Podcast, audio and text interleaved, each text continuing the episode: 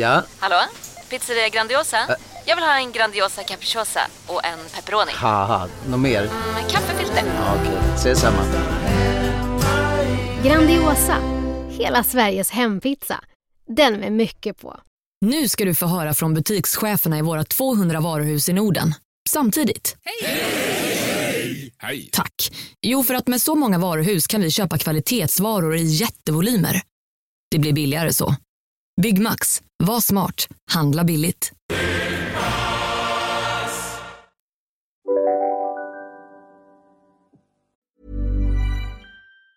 Mit Windows 11 und Intel erschaffen Menschen mehr von dem, was sie lieben. Das Beste an Windows 11 ist das Snap Assist. Mir ist die schnellere Geschwindigkeit aufgefallen. Ich finde den Stift am besten. Mehr über Windows 11 PCs mit der Intel Evo Plattform unter windows.com slash näher an allem. Stift separat erhältlich. Vi är sponsrade av Electrolux Home som erbjuder kvalitetskök från inspiration till installation. Och Electrolux Home finns med oss i varje steg av denna ibland svåra ofta spännande och faktiskt kreativa resa som det är att fundera ut vilket kök som passar oss bäst i livet. Med Electrolux Home köksguide Hjälp hela vägen så besöker man antingen dem i butik eller så bokar man tid med en köksinredare för inspiration och kostnadsfri rådgivning direkt i sitt egna hem. Det är ju verkligen hjälpsamt med en sån här tjänst. För det finns så mycket att tänka på när man ska bygga ett kök. Och det är ju ändå någonting som man gör för att det är tänkt att kunna stå i väldigt många år. Och därför behöver det både vara enkelt att jobba i, hållbart, men också långsiktigt njutbart rent estetiskt. Mm. Vi renoverar ju vårt landställe just nu och där är köket i stort behov av kärlek. Även om det finns grundelement som en vedspis och vackra fönster. Men i övrigt är köket absolut i behov av att återställas till sin forna glans. Jag tror att vi vill bygga någonting väldigt enkelt och stadigt där. Ett lantligt kök för livet helt enkelt. Gud vad härligt. Ja, och för inspiration för både kök och hur man kan tänka när man står inför en köksrenovering, gå in på electroluxhome.se. Tack Electrolux Home. Hej och välkommen till podcasten Billgren Wood med mig Sofia Wood. Och med mig Elsa Willgren. Mm, Elsa, det här är vår trendspanningspodcast. Vi pratar om allt från inredning, konst, mat, design, livet i stort ibland. Sånt som vi ser mycket i våra sociala flöden. Yes. Idag ska vi prata om ett spännande fenomen som vi kom på när vi liksom funderade lite på vad vi tycker är spännande och intressant att prata om. Vi ska prata om sliding doors moments. Gud vad spännande. Välkomna!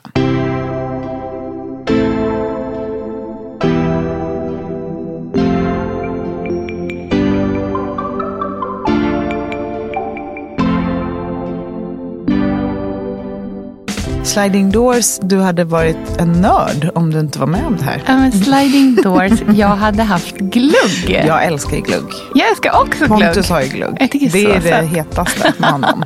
Det enda jag brydde mig om Ja, var mamma och pappa. ja. Det är det enda jag Ja. brydde mig om. Att vara nära dem. Ja. Följa efter dem, nära dem. Nästa roliga grej som ska hända i mitt liv är det min 40-årsfest. Hur skulle du definiera ett så här sliding doors moment? Vad är det egentligen? Men det är ju ett ögonblick där man, om man hade valt annorlunda så hade allt sett helt annorlunda ut. Och gud vilken dålig förklaring. Men jag, alltså, är inte själva sliding doors uttrycket en, ett uttryck för att om, nej men gud, det här borde vi gjort research på. Vad det faktiskt betyder? Ja. Jag tänker, alltså det, nu är det verkligen så här snillen spekulerar, men jag tänker att det har jättemycket att göra med vad som hade hänt om man inte hann med den där dörren som stängdes. Alltså du vet, Just det, så är det. Som i en- filmen. Ja, precis. En, en, eh, liksom en tunnelbanedörr som Mm. stängs, en tågdörr som stängs. Man hinner inte med det tåget, man kommer tio minuter senare. Liksom.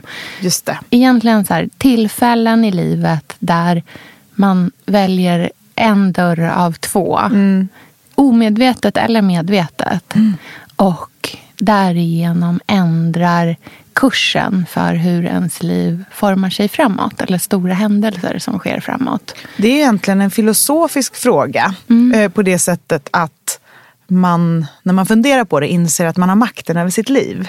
Eh, på samma sätt som man absolut inte har det. Mm, och jag kan verkligen. tycka att det är intressant att livet bara pågår. Det är en av mina största ångestar nu för tillfället. Är det det? Livet att det bara bara pågår. Mm. Hur tråkigt är inte det? Mm. Och det är ju sånt lyxproblem. Men jag tror många i vår ålder och i vår livssituation och i vår liksom, samhällsklass, man ska säga, tänker en del på det. Mm. Det här med att ja, men, man har ju problem och saker som är kämpigt och sådär. Men man, man håller ihop det och sen så lyckas man få det att funka och sen bara puttrar det på. Men nu då? Man är ute efter den där känslan av att någonting stort ska hända. Någonting pirrigt, något som får en att känna sig levande. Mm. Jag tror att det är många som har den här klassiska 30 plus ångesten när man går runt och känner att ens liv dels är ganska ounikt. Att det ser ut ganska mycket som alla andras runt omkring en.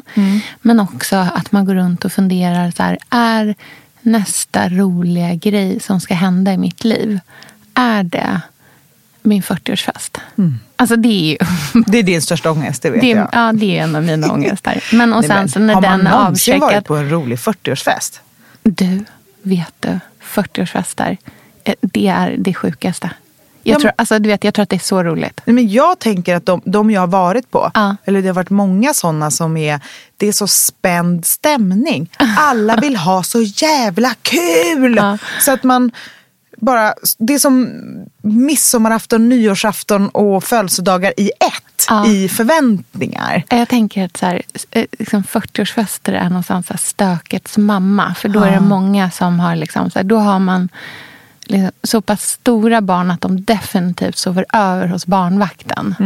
Eh, så man behöver inte liksom, ta hand om dem nästa morgon heller. Folk går verkligen all in. Alltså, jag har så sjuka historier om vad som hände på 40-årsfester i, ute i Enskede. Som är så här, du vet, man bara, nej men det här är inte sant. Men vadå, För att måste berätta någonting. Nej, men för att inte tala om så här, alltså till exempel Bromma Ja. är ökänt för sina nyckelpartys. jo, så är det. Mm. Och lite det, så är det ja, Men jag menar bara, det är, det är också lite så sliding doors. Att man, nej men, ska man lägga sin nyckel där i skålen eller Mm. inte? Det kan ju verkligen förändra allting. Jag skrev just om, eh, o, det här är, det är ju inte otrohet med nyckelparty, men jag skrev om otrohet på bloggen. Det Mm. skapar ganska mycket tankar och funderingar eh, hos folk. Mm. Och jag tycker det är spännande för att alla har olika åsikter och känslor kring det och erfarenheter. Mm. Men där skrev jag att jag var nära att vara otrogen Mm. eh, i ett eh, förhållande som jag hade för länge sedan. Och att jag inte var det till slut. Just för att jag, jag är en väldigt moralisk person. Jag vill verkligen inte göra fel. Jag hatar att göra fel. Ehm, så den sidan av mig vann liksom över passionen trots x antal glas vin. Men i efterhand, så, för vi gjorde ju slut sen, jättekort efter. För det var ju inte bra. Det var ju därför jag var i den situationen. Annars hamnar man ju inte där på samma sätt. Och sen så då tänker jag liksom, fasiken att jag sumpade det ögonblicket. Men så inser jag att hade jag kanske följt med i den stunden, hade inte jag blivit en annan människa då?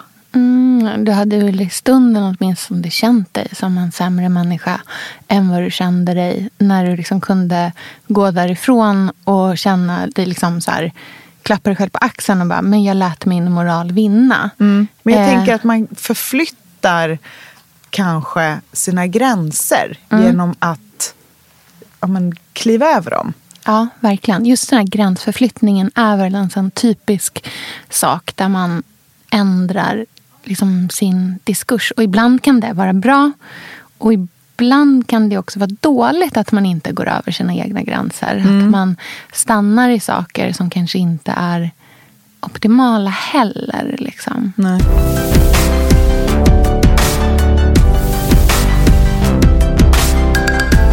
Har du några tidiga sliding doors moments som du minns tydligt? Den största är ju när vi flyttade från Göteborg. Det är en sån där situation som jag tänker, om vi inte hade gjort det, hur hade mitt liv sett ut? Det har varit sån otrolig skillnad. För jag kan verkligen se ett före och ett efter den där flytten. Um, också i hur hela familjen var, hur vårt liv var, vem jag var, vad som var viktigt. Det var sån symboliskt skifte Mm. när vi tog lastbilen och åkte 50 mil uppåt. Kände ni i stunden att det var det också? Jag minns ju hur mamma grät när vi skrev på papperna för lägenheten. Ja. Det var en gråt som var... Alltså den satt, ja, satt djupt inne. Hon grät och hon grät och hon grät. Och det var ganska förvirrande. Jag var ju tio år. Man blir ju ganska vuxen när man har en mamma som har lätt till känslor. Men jag tyckte ändå att det var förvirrande. För vi skulle ju flytta. Och hon var ledsen över det. Men jag förstod inte, för det var ju de som ville det. Hade ni barn liksom konsulterats i flytten eller var det mer att det berättades att det, skulle Det flytta? berättades. Det fanns Ja. ingen, du vet det här var 90-talet. Man frågade inte barn om något. Nej, men det, jag, jag minns i alla fall ingen konsultation Nej. av något någonsin.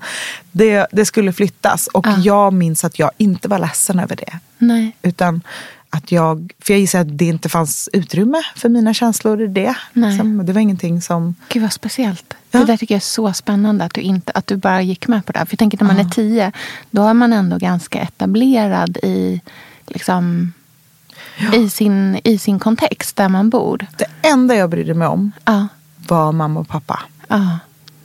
Och, Ja, och, Det är det enda jag Ja. brydde mig om. Att vara nära dem. Ja. Följa efter dem nära dem. mm, Så vi flyttade och det blev ett nytt liv. Från ett gulligt radhus i ett område med mycket barn Mm. till korsningen Grev Turegatan Valhallavägen mm, i en sexrummare. mm, Ehm, med egna rum. Jag hade ju bott med Sigge. Vi hade Mm. ju delat rum. Vi har haft våningssäng. Hela mitt liv var jag och Sigge. Mm. Så det var också en sån här tydligt skifte i att bli stor. mm, Mina föräldrar tjänade mycket med pengar. Vi bytte skola, gick, hamnade på en liksom Östermalmsskola. mm, Och det var verkligen nya tider. mm. Du blev påkörd ganska nära en podd där också. Jag blev påkörd nästan första veckan på Valhallavägen av en taxi i full fart. Och det, det var verkligen så det kändes, att bli påkörd och flytta till Stockholm. Det var så otroligt annorlunda mot Göteborg. Eh, Jag hade ju inte mina släktingar där heller. Nej. Så det var en främmande känsla. Och jag undrar om jag inte tappade ganska mycket av mig själv eh, genom att flytta till Stockholm. Mm. Tror du att det var här du blev sökare? Ja, jag tror att det var här jag... ehm, det tog lång tid för mig att separera mig från min familj. För att de var så fokuserade på det stora livet och inte familjelivet. Men å andra sidan så har ju det gjort att jag har blivit otroligt familjeorienterad själv. Och lägger jättemycket vikt vid det. Och har ju bjudit tillbaka dem in i mitt liv väldigt aktivt. Så att nu har ju vi den familjen som jag ville ha när jag växte upp. Mm, du har återskapat dig själv. Ja, och liksom byggt och pusslat. Så det är ett sånt ögonblick som jag tänker mycket på. Och sen en gång när jag räddade Alice liv. Vad hände då? Det här har inte jag hört. Nej. Det var också en sån här mikrosekund som var så himla avgörande. Jag tror också att vi kände oss extra busiga för att jag tror att vi hade druckit alkohol. Men vi var väldigt unga. Eh, Alice och jag var ju verkligen så partners in crime när vi var unga. Eh, hon var min första kompis i Stockholm och hon kom också från en konstnärsfamilj men, och bodde på Riddargatan. Och vi var ganska ovanliga på det sättet att vi bodde på fina Östermalm men kom från så här, men, våra badrum hade gaffatejp eh, på, vid handfatet. Det, var en, det var en annan sorts än de som gick i vår klass som hade Canadian Goose-jackor så här jättetjusiga vita möbler hemma och sånt. Så vi fattade tycke för varandra väldigt snabbt och gjorde allt. Men, men, upp, ja, men blev tonåringar tillsammans. Och en dag så gick vi från, jag tror att vi var hemma hos några bekanta och så druckit öl, vi var unga, på, uppe vid Odengatan. Och så gick vi ja, Odengatan ner mot korsningen där vid Sveavägen. Och så skulle vi gå över gatan. Och jag tittar till vänster, för Alice är till vänster. Och då ser jag henne och eh, en, stor, en buss som kommer mot oss i full fart. Och den är så nära att den inte ser oss för att vi är för nära bussen. Mm. Och då har jag en impuls att gå mot bussen som kommer mot oss alltså och kasta mig över Alice tillbaka på trottoaren. För hon såg inte bussen, för hon tittade på mig. Så vi vaknar upp där på, på trottoaren från vad som känns som en så blackout. För, och hon förstår ju inte vad som har hänt. Och bussen svischar förbi. Och då skulle jag sova hos henne. Hon bodde på Odengatan, så vi var ju precis utanför hennes port. Kommer ihåg vi går in där, säger hej till hennes föräldrar, tittar på varandra och bara, vi berättar aldrig om det här. Nej. Och la oss i sängen, satte på eh, Air, den skivan som vi lyssnar alltid på den när vi sov ihop. Så. Satte på den från början och så visste man att man skulle somna tre, fyra låtar in. Och somnade. Och sen nämnde vi inte det igen.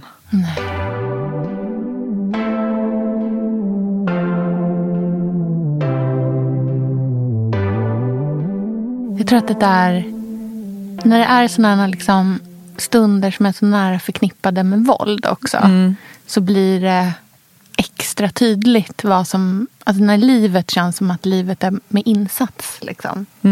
Jag har en sån, när jag tänkte på mina liksom, så här, tidiga erfarenheter så finns det flera som är liksom, just som är förknippade med våld som är lite för eh, privata för att ta i det här forumet kanske. Men en sak som, jag liksom, som slog mig tidigt var när jag gick i fyran och och vi skulle åka på skolutflykt. Eh, och vi eh, var jättemycket eh, ute på en gård som vi sov över på. Där vi liksom fick lära oss typ naturvetenskap hela klassen tillsammans. Där fick vi så här, typ stega upp ett hus för att lära oss hur stor en yard var eller en meter. Och liksom, så det var väldigt så att vi hade mycket av vår naturinriktning, liksom, naturinriktade klasser där. Men alltid när vi åkte ut dit och sov över så skulle vi alltid cykla dit. Och man cyklade eh, en bra bit liksom, längs med nästan som en motorväg. Och man skulle alltid ha med sig matsäck. Och jag hade en ganska liten ryggsäck som var min, liksom, min skolryggsäck. Eh, och så var det just den här dagen där jag liksom hade packat min ryggsäck, hade gått, liksom, gått ut genom dörren ner i porten för att gå till skolan och sen ändrar mig i sista sekund och springer tillbaka för att byta till en annan ryggsäck som var lite större. För att inte, för det kändes så här hårt mot ryggen med matsäcken och allting i, i ryggsäcken. Så jag byter till en annan ryggsäck som egentligen inte är min och som är liksom lite för stor. Du vet så när man ser barn som går med lite, det, är så, det är så gulliga proportioner. De går med så här jätte, de ser ut som små skal. Skumpar en ryggsäck på Ja, ryggen. precis. Så jag bytte till en sån. Liksom, sätter mig på cykeln, cyklar till skolan. Vi cyklar iväg på den här skolutflykten. Och mitt på, liksom när vi är på väg ut genom stadsområdet, ut till den stora vägen, så märker inte jag att en av remmarna på den här nya ryggsäcken har ramlat ut och liksom fallit ut och dinglar efter mig. Och den fastnar i en av ekrarna till cykeln. Och jag, cykeln gör en så här tvärstopp. Och jag flyger rakt över och landar med munnen öppen runt en trottoarkant. Och krossar liksom framtänderna så att bara pulporna hänger ut på framtänderna. Din min. Nej men det, jag får Ja. rysningar. Mm. Eh, och spräcker upp hela ansiktet. Alltså underläppen är öppen ner till mot hakan. Och överläppen är också öppen fast liksom på två ställen upp. Och hela ansiktet är barskrapat. Det är, liksom, det är bara blod precis överallt. Och eh, jag minns att det inte gjorde ont. Nej, det gör att för ont. Det gjorde för Mm. ont. Så jag minns att det inte gjorde ont. Och ehm, jag liksom, ja men vi... Det, jag vet inte om det är ambulans eller hur jag liksom tas till tandläkaren när jag kommer till Mm. först. För att tänderna måste ses över. Liksom, Mm. För det är där det är värst. Om jag kommer till någon slags akuttandläkare. Och de liksom, ja, försöker plåstra igen allting. Och, men liksom nerven lever fortfarande i tanden. Så de Mm. kan sätta en som är, liksom, de bygger på runt tanden. Och eh, eh, jag vaknar liksom, jag är typ i töcken hela den här perioden. Det är flera timmar som är typ borta. Och när jag vaknar upp liksom, till normaltillstånd så inser jag att de har tagit bort min glugg. Mm. Jag hade egentligen jättestor glugg mellan framtänderna. Nästan så här som man fick in en, en femma alla Mm. gånger. Men den passade de på att ta bort när de satte dit mina tänder. Frågade de inte dig Nej. eller din mamma? Nej, den bara, de fixade till det där så det skulle bli lite mer estetiskt. Sliding doors, du hade varit en nörd om du inte var med om det här. Ja, men sliding doors, jag hade haft glugg. Jag älskar glugg. Jag älskar också glugg. Pontus har ju glugg. Det så är det hetaste med honom. Ja, och det där blev ju också så här, det är också min enda gång jag har haft något problem med mina tänder. Och det har ju då också blivit ett så bestående problem i och med att för sen senare så slog jag av dem där igen och i en mycket mindre olycka. Och eh, till slut så blev det att liksom, de fick sätta i hela kronor som sitter med så skruv och allt möjligt. Liksom. Så att det, de finns ju inte kvar de där nerverna längre. Men det är också min enda eh, så här, koppling. Jag har aldrig haft några hål i tänderna. Och har aldrig tandsten. Så det är så den enda grejen som jag har med mina tänder. Att jag har de här jobbiga avslagna framtänderna.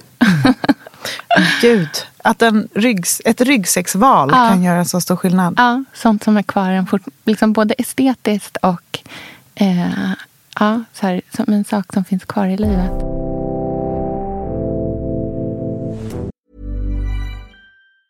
Mit Windows 11 und Intel erschaffen Menschen mehr von dem, was sie lieben. Das Beste an Windows 11 ist das Snap Assist. Mir ist die schnellere Geschwindigkeit aufgefallen. Ich finde den Stift am besten. Mehr über Windows 11 PCs mit der Intel Evo Plattform unter windows.com slash näher an allem. Stift separat erhältlich.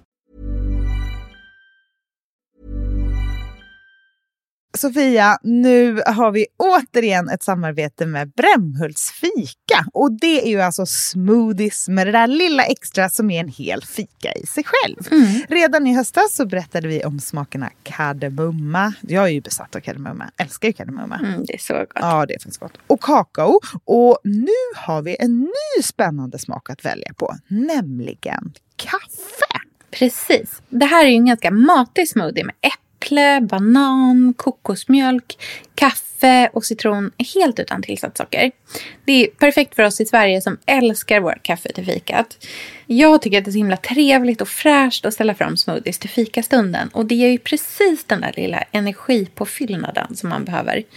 Elsa, är du en förmiddagsfikare eller behöver du din boost på eftermiddagen? Jo, men du vet, jag tränar ju ofta på morgonen. Ja. Så därför är Brämhults fika perfekt on the go Mm. mellan träningen och min ateljé. Mm, perfekt. Ja, så missa nu inte Brämhults nya fika-smoothie med smaken kaffe som finns i en butik nära dig. Tack Brämhults fika! Vi är superglada över vårt samarbete med favoriten Mutti och deras urgoda tomater. Och just nu pågår ju Muttis Tomato Challenge och den vill uppmuntra oss att vara mer kreativa med Muttis tomater på burk. Och för att vara med i utmaningen så kan man lägga upp bilder eller recept där man använt Muttis tomater på burk i rätter som kanske annars är mer vanliga med färska tomater. Alltså rätter med tomater som är goda året runt helt enkelt. Och då kan man hashtagga bilden med Mutti Tomato Challenge eller så florerar man bara runt där inne bland all inspiration. Precis. Muttis tomatprodukter, de är ju sådär goda för att det är solmogna tomater som skördas mitt under den italienska sommaren. Och så konserveras de inom 24 timmar från att de har plockats för smakens skull. Jag använder ju de här tomaterna nästan dagligen i någon form och tycker verkligen att de är fenomenala. Det är så himla goda tomatprodukter. Man kvalitetstestar faktiskt tomaterna fler än 600 000 gånger om året. Och de som inte lever upp till den här höga standarden, de pureas och omvandlas till biobränsle som säljs till de lokala bönderna för en liten symbolisk summa. Det tyckte jag var så himla fint att veta. Mm, verkligen. Mm, så missa helt enkelt inte Muttis produkter ute i affärerna och glöm heller inte att kolla in hashtag Mutt. Sofia, vi är sponsrade av Tradera som är vår favorit, älskling och räddare i nöden. Nu ska alla göra exakt det jag ska göra. Ja. Mitt enda fokus just nu det är att sälja allt jag har. och Jag ska göra det på Tradera. Och, och jag vill rekommendera alla att göra Men det. Så skönt att slippa ha typ loppis på gården och ingen kommer. Ta, talat av egen erfarenhet. Mm, nej, nej, eller? nej, På Tradera det är alltså en otrolig marknadsplats Mm. för cirkulär konsumtion. Och Det är liksom så vi måste tänka framöver. Framför allt så ska vi tänka på vår semesterkassa. Den ska vi också tänka på. Den ska fixas nu. Ja, och för att det ska klirra till lagom Ja. till semestern så är det lika bra att börja rensa nu. Mm. Vad har vi i skåp? Vad har vi i lådor? Vad kan bli till rena pengar på kontot? Vad kan kan bli min sommarresa? Mm, vad kan bli den där, ja, men den där goda lunchen efter en dag på stranden? Vad kan bli en picknickkorg full av godsaker? Vad kan bli en ny gräsklippare när den gamla pajade? Den här sommaren ska bli den bästa sommaren. Jag vet, du, det här läste jag faktiskt i tidningen i morse också. Mhm. Att det ska bli en otrolig sommar. Det ska vara så soligt, vi kommer bada så mycket. Mm. Allt, det ska njutas. Det ska det. Mm. Vi är värda det efter den här vintern. Ja, och vi gör det genom att fixa semesterkassan Ja. tillsammans med Tradera. Underbart! Så in och sälj dina saker på Tradera och boosta semesterkassan nu. Tack Tradera på så många sätt. Älskar er!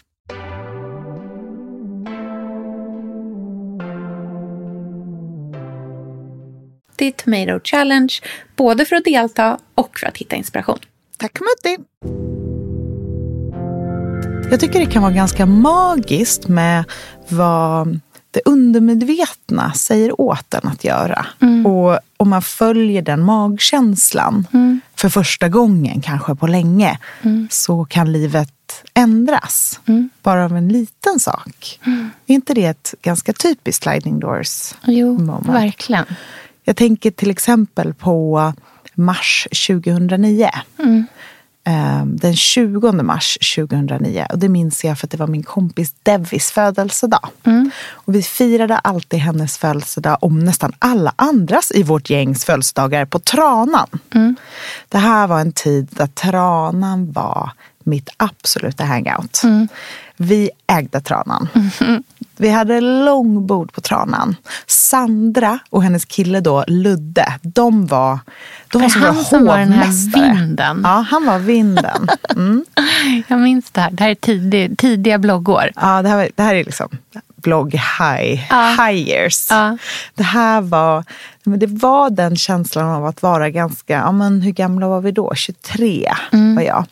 Och eh, man kunde, det var Sandra, hon kände ju alla, så hon var koordinator för våra Mm. Tranan-kvällar. Det var så här, vilka ska med? Boka bord. Och det var det här med att leka vuxen och viktig Mm. som var så himla spännande tycker jag. För att hemma så var man bara på knäppa hemmaförfester. Mm. Liksom, jag kommer ihåg att vi drack så här kallvarm. Vet du vad det är? Nej, vad är det? Det är en tetrapack Nej. från systemet Nej. med äppel och kanelvin som man värmer i kastrull. Som glögg, fast utan och jag bara, det här är glöggbitar. så billigt och så bra. så, här, ja. Ja. så vi spelade kort och drack kallvarm hemma. Så det var inte det här glamorösa livet som Nej. vi trodde och ville ha. Men när vi hade långbord på Tranan, då, var det det. Ja, då var ni vuxna. Vi var vuxna och viktiga och kände livet i oss. Mm. Så Devi fyllde år och på den här tiden så gav jag alltid klänningar i födelsedagspresent. Mm. Bara Vintageklänningar. det. Ja, det var också en annan tid. Men jag jobbade på Beyond Retro så jag hade direkt tillgång. Och folk blev alltid så glada när jag kom med en klänning. För det är en sån personlig present. Ja, verkligen. Få kläder av en vän. Ja. Det är ju verkligen inte någonting som händer ofta i vuxen ålder. Det är någonting som är så här, ens mamma gör till en på julafton. Mm, när det är väldigt intimt. Det är väldigt Mm. intimt. Men vänskaper var intima då, när man var 23. Mm. Kom ihåg hur mycket man pussade sina tjejkompisar på munnen. Ja. När man sågs och när man sa hej då. Och hur man låg jag sakna. slingrade i soffor. Ja.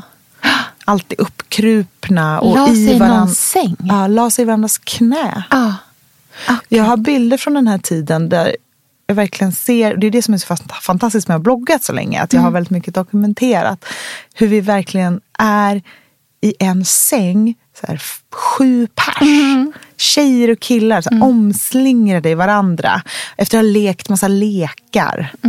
Så det är verkligen som när man tittar på typ ung lejon. Mm, jag förstår precis. Det är som barn som leker, som håller på att testar vuxenkostymen. Och för mig var det extra svårt att leka vuxen för att jag är ju så dålig på att spela spelet. Jag har ju ett öppet hjärta och vill verkligen bli älskad och känner väldigt starkt. Och på den här tiden så dejtade jag två killar. Jag var ju singel då, men dejtade två killar. Och jag var över öronen kär i båda. Åh nej. Ja. Och jag var olyckligt kär i båda. Ja. För ingen av dem ville bli tillsammans med mig. Nej, och ville bara jag dejta. ville bara bli tillsammans med någon. Ehm, och en var så tuff reklamare och en var tuff journalist. Så det var de här liksom, tuffa killarna.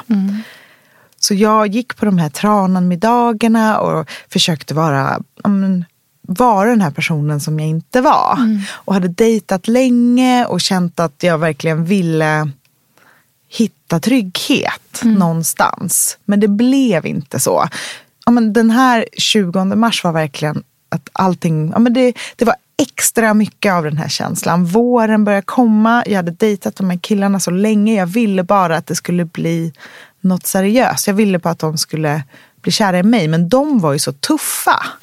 Så de dejtade en massa andra tjejer också. Och jag kunde inte tävla med dem för jag hade inga spelkort Nej. alls.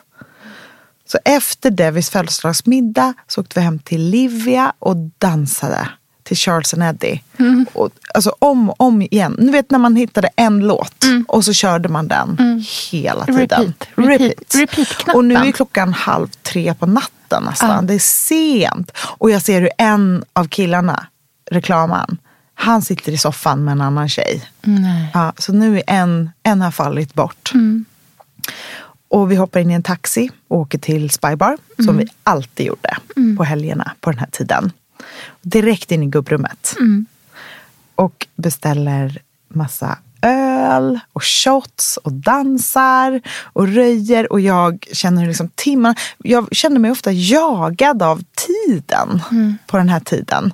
Att jag liksom måste få bekräftelse, måste känna innan det samhörighet innan det stänger, innan jag åker hem själv. Jag måste bara få en, det behöver inte vara att man åker hem ihop, men jag måste få en, jag måste känna att jag finns. Jag kan inte ge mig själv det. Jag behöver det utifrån. Så jag tittar på den här journalisten, killen då, som är den enda som är kvar då. Och jag tror att han skäller ut mig för någonting. Alltså det, är verkligen, det blir inte bra. Nej. Och jag för första gången, ja, men jag känner hur jag inom mig får en insikt för första gången på typ flera år. Att jag inte vill, ja men det här är ju inte det som är menat för mig. Nej. Jag kan inte spela spelet för att jag ska inte spela spelet. Nej. Här i ligger sliding doors moment. För att istället då för att ja, men ge upp och göra samma sak nästa helg.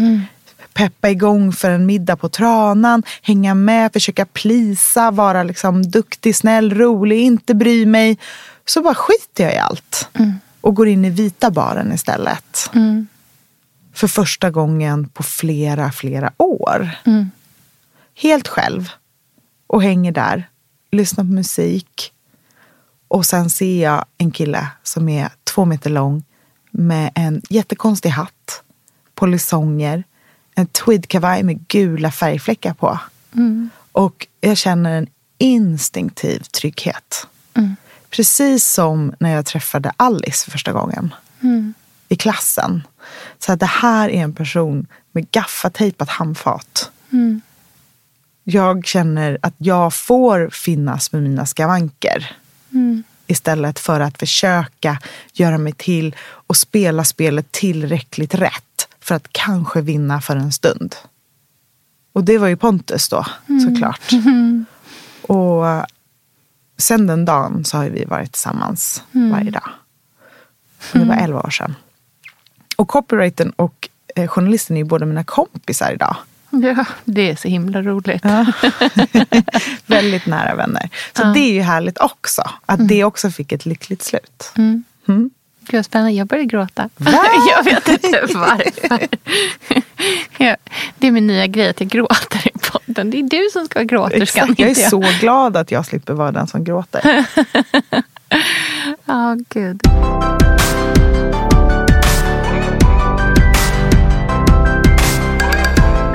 Det är så spännande de där sakerna som liksom ändrar. För jag tänker så här, vem du hade varit utan Pontus. Liksom när man är utanför men ändå nära och ser er tillsammans.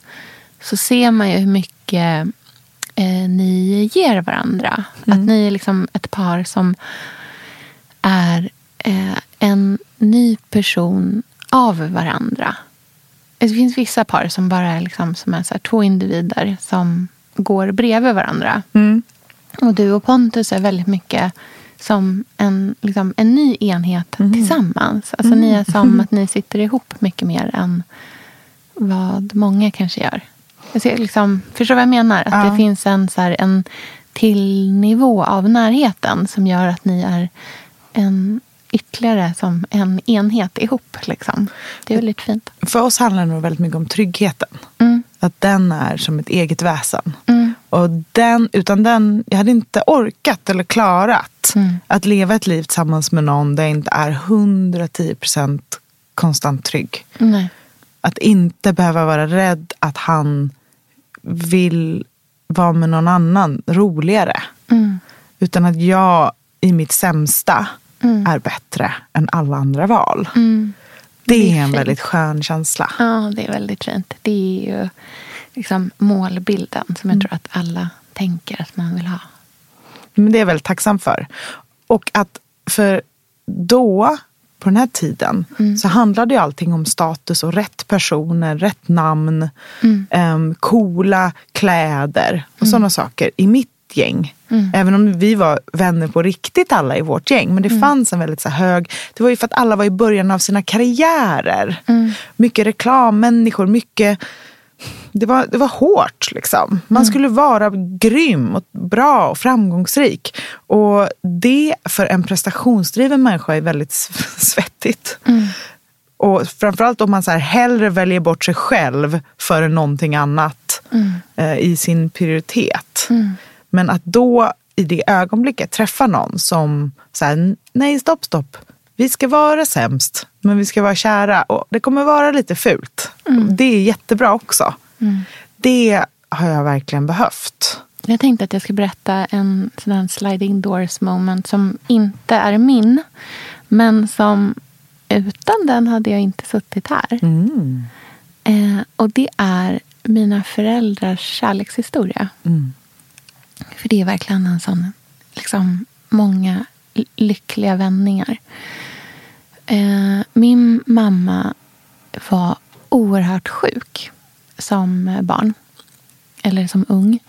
Eh, och hon har en eh, trombocytsjukdom som heter idiopatisk trombocytpurpura, ITP. Eh, som är som en slags blödarsjuka kan man säga. Man blöder jättemycket fast på insidan. Man får liksom inre blödningar.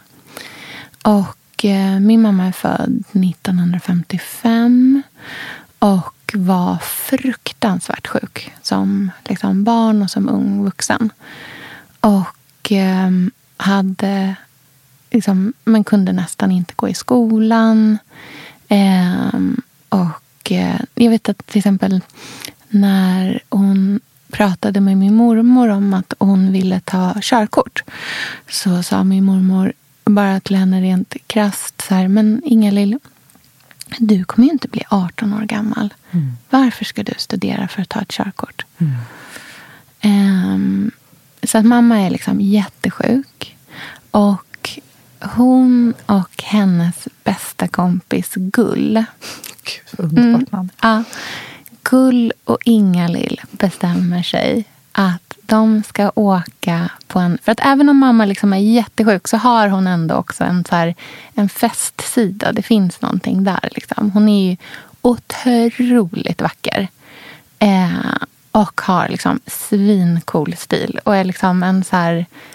Ja, men som en, liksom, en blomma som kommer att vissna. Men hon, ska liksom, hon, har inte, hon vill fortfarande leva livet så länge som det finns. Så Gull och min mamma bestämmer sig för att de ska åka på mammas sista resa mm. tillsammans. Och det här är då på 70-talet. Och de bestämmer sig att de ska åka till Mykonos. Det coolaste stället som mm. finns. Så de åker till Mykonos. Det finns helt fantastiska bilder på mamma från den här tiden. När hon liksom, det finns en bild när hon så kommer upp vattnet i en virkad bikini med oh. amerikanska flaggan. Mm. Nice. ja, så, sån Bond. babe. Nej, men uh. Sån babe. Uh. Liksom. Så hon, mamma och Gull ligger på Paradise Beach som är en så klassisk gaystrand mm. eh, på Mykonos. Och helt plötsligt när hon ligger där så stegar det upp en man till henne som är i liksom, ja, men så här, övre 30-årsåldern. Eh, Pre-metoo. Ja, verkligen. Mm. eh, stegar upp till henne, ger henne sitt setcard, för han är modell. Han är Marlboromannen. Mm. Ger henne sitt setcard med sitt liksom, namn och nummer på och säger I'm gonna marry you. Mm. Och sen, det är då min pappa såklart. Mm. Eh, och sen har de en romans den här sommaren på Mykonos som är otrolig. Mm. Alltså de är så kära så att de vet inte vart de ska ta vägen. Mm. Och hela tiden så finns det här molnet av att min mamma inte kommer att överleva. Att hon, mm. det är bara nu som de ska träffas. Så att de har den här otroliga, liksom, det, förlängs och de stannar där längre. Men de har den här fantastiska sommaren tillsammans. Och sen så skiljs de åt. Och mamma åker hem till Sverige. Och Christopher, min pappa, ska åka hem till Melbourne igen. Eh, och de liksom, det här är sista gången de ses i livet. Så, här, så de säger hej då för alltid. Och pappa åker hem till Melbourne. Och sen första helgen efter att han har kommit hem så blir han inbjuden till en fest i Sydney. Mm. Och eh, pappa liksom, ja, brukar inte vara i Sydney. Han brukar definitivt inte åka dit bara för att gå på en fest. Men av någon anledning så bestämmer han sig ändå för att göra det. Eh, så han åker på den här festen. Och i baren på festen i Sydney, som han inte ens bor i, börjar han prata med en man som står bredvid honom. Och eh, pappa berättar om den här liksom otroliga kvinnan han har träffat. Så han är så kär så att han vet inte att det ska väg. Men han är helt förkrossad för att hon, liksom, hon är så sjuk. Eh, och hon är i Sverige nu. Så långt bort som man kan vara. Mm. Och den här mannen berättar att han är läkare. Och att han har forskat på idiopatisk trombocytpurpura. Mm. Exakt som min mamma har. Den mm. otroligt ovanliga blodsjukdomen. Ah och säger att om du kan ta hit henne så kan jag operera på henne och jag kommer kunna rädda hennes liv. Eh, men det är ju otroligt dyrt att ja. åka till Australien från Sverige på den här tiden. Ja. Men min pappa är så kär så att han kan göra vad som helst. Ja. Så han bestämmer sig för att han ska fixa fram pengar så fort det bara går. Mm. Eh, och åker ut i öknen i Australien. Och bygger järnväg. Mm. För det är, liksom, det är så tungt jobb. Ja. Så han ser Liksom, han jobbar, jag tror att han jobbar typ en månad ute i öknen och bara liksom hamrar ner järnväg genom Gud, det här öknen. är så filmiskt. Ja. Han blir typ en bodybuilder. Ja, jag tänkte alltså, bara, han kommer ju inte bli fulare av det här. han är så solbränd. Han är så musklig. Ja. Så att det ser ut som liksom jag vet inte vad. Men han sparar ihop med pengar för att köpa en flygbiljett. Mm. Och mamma flygs till Australien. För hon har ingenting att förlora. Så hon känner bara så här att finns det en experimentell kirurgi som jag kan prova? Så vad har jag att förlora? För i Sverige finns det ingenting man gör då. Liksom. Hon är liksom, det, fin- de har, det är kört i ja, Sverige. Det, nej, I mm. sjukvården i Sverige har man sagt liksom, det tar slut här. Liksom. Så hon flyger ner, hon opereras och de tar bort hennes mjälte. Mm. Och när de tar bort hennes mjälte så har den liksom den hon har haft har typ så här fördubblat sig fyra gånger. Och är bara liksom, det är helt fel i hela kroppen på henne. Men de tar bort allting. Och hon blir helt och hållet symptomfri. Oh, men Gud, alltså. Och hon har fortfarande den här sjukdomen. Uh. Men i och med att hon inte har sin mjälte så har hon inga symptom. Nej. Och det var så min mamma hamnade i Australien. Uh. Och det var så hon och pappa sen gifte sig och levde tillsammans i elva år mm. tills de skilde sig. Um, som de bästa av vänner. Men de kunde inte hitta en plats i, på jorden där de kunde bo tillsammans. Nej. För hon klarade inte av att bo i Australien och han klarade inte av att bo i Sverige. Så de skilde sig till slut. Och mamma och jag flyttade hem till Sverige. Men om det inte hade varit för den där mm. strandraggaren på Mykonos. Oh. Som gick upp till den där 18-åriga svenskan. så hade ingenting av det som är liksom vår historia funnits. Nej. Det är helt otroligt. Det är så spännande de där, oh. liksom, man tänker det svindlande i det. Mm. Just kärlekshistorier oh. är verkligen ja, men det är där någonting börjar. Och mm. det är där en ny historia börjar. Och tar man inte den chansen så har man ingen aning. Mm. Det känns så, så, himla viktigt att våga tro på kärleken. Ja, verkligen. Och samtidigt också våga tro på sig själv även när man är i kärleken. Ja. Alltså att våga välja bort mm. när man är i Ja, för kärleken. att det ska kännas bra och man är värd en fantastisk relation. Ja. Och kanske är det så att många liksom sliding doors moments inte bara sker för en. Utan Nej. att man faktiskt också sitter i förarsätet för Mm. dem. Det tänker jag är ett så viktigt sätt att se på ehm, att se på sin, på sin egna så väg framåt. Att Mm. man är definitivt så att man hamnar framför de där väg, liksom, korsningarna. Men att det är en själv ibland som Mm. faktiskt så här, sitter i Mm. förarsätet. Att det inte är så att saker och ting bara sker än. Nej. Även om vissa gör det. Som att du ska flytta till Norrköping Mhm. och att jag ska skaffa hund. Ja. Men det kan vi höra mer om nästa vecka.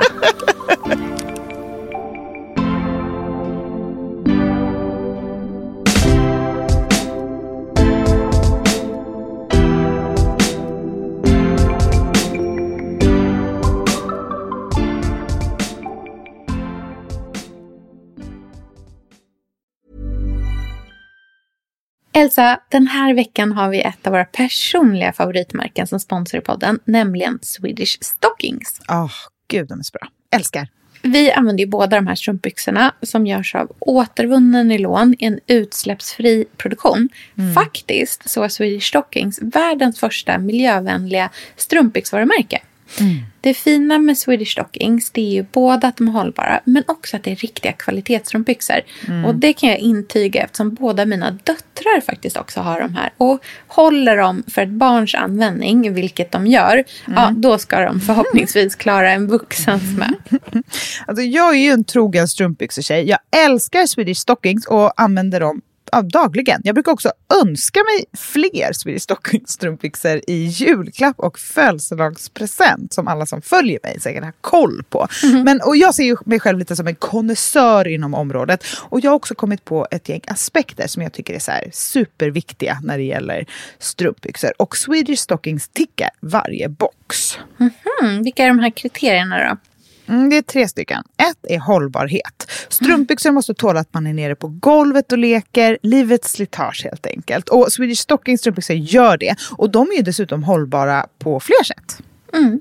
Punkt två är utseende. Jag vill känna mig som en vuxen kvinna när jag har strumpbyxor. Och jag älskar till exempel Swedish Stockings ribbade som är så fina. Och Mm. deras, åh det här är så fint, krämvita strumpbyxor som jag brukar ha i ballerinaskor. Det är så himla Mm, himla himla snyggt. fint när man har svart kjol till exempel. Mm, Väldigt fint. klassiskt och sådär. Mm. Och de rejäla svarta, de brukar jag ha på vintern med bara ett par ullstrumpor i boots. Så håller jag mig varm hela säsongen.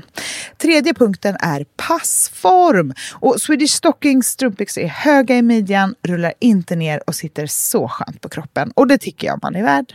Mm, jag håller helt med dig om alla de där kriterierna. Nu kan du få 20% på alla ordinarie priser med koden BILLGREENWOOD20 i ett ord på swedishstockings.se. Missa inte att använda det här erbjudandet. Det kommer jag nämligen själv göra. Mm, jag också. Tack Swedish Stockings! Mit Windows 11 und Intel erschaffen Menschen mehr von dem, was sie lieben. Das Beste an Windows 11 ist der Snap Assist. Mir ist die schnellere Geschwindigkeit aufgefallen. Ich finde den Stift am besten. Mehr über Windows 11 PCs mit der Intel Evo Plattform unter windows.com slash näher an allem. Stift separat erhältlich.